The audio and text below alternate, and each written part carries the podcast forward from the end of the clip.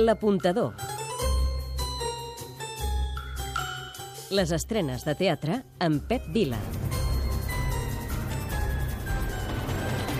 Va, venga, disfrutar.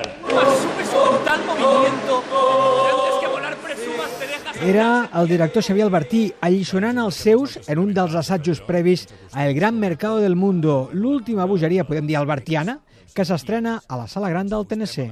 L'aposta de l'apuntador. Tres motius per veure-la. El primer, La fama fa una crida perquè tothom vagi al gran mercat del món. Cadascú té un talent per comprar el que vulgui i l'haurà d'utilitzar per poder ser feliç.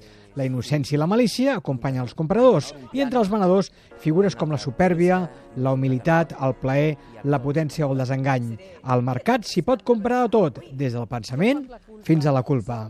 el segon, Basada en l'obra de Calderón de la Barca, l'obra es transformarà en un gran espectacle amb mirada contemporània.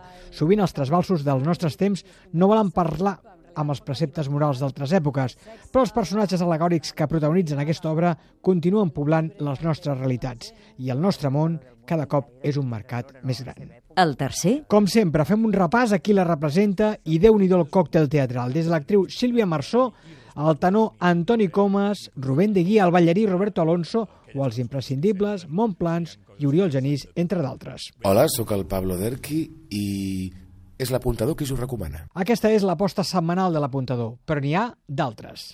Siéntate, muchacho.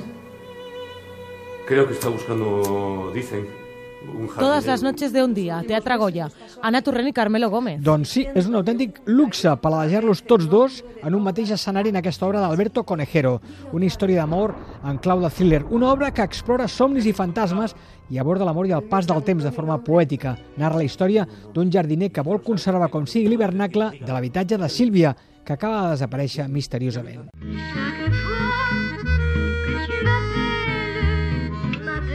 Ricard III, escenari brossa, nova versió del drama shakespearià. Aquí la història pren forma a partir del final de la Guerra Civil coneguda com les dues roses.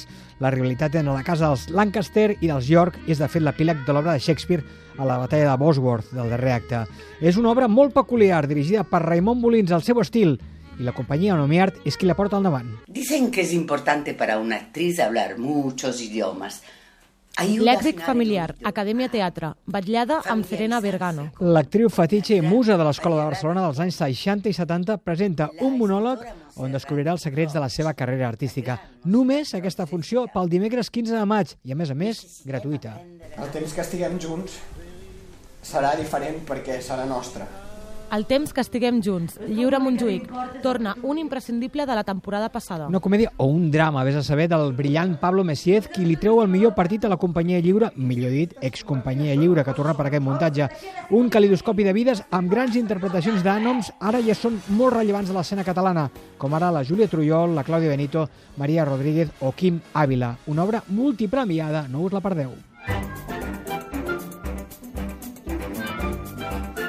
Les recomanacions. Anem al principi de la història.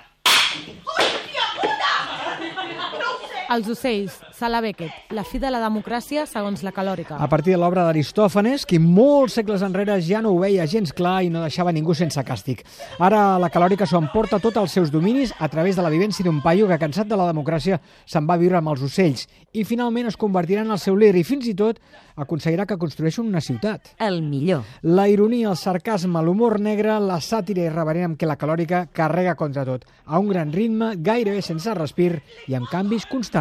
El pitjor. Que no hi hagi encara més obres de la calòrica com aquesta, com Fairfly, com La nau dels bojos, Un moment per recordar. el sopar de la família d'ocells o també el brutal monòleg de Xavi Francesc personificant el capitalisme. En definitiva, Obra imprescindible d'una companyia imprescindible que fa de cada obra un espectacle diferent, atractiu i original. I tots genials, des del dramaturg Joan Llago fins al director Israel Solà i els quatre actors Esther López, Mar Rius, Aitor Galisteo i Xavi Francesc.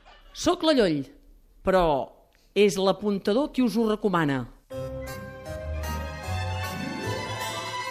l'apuntador.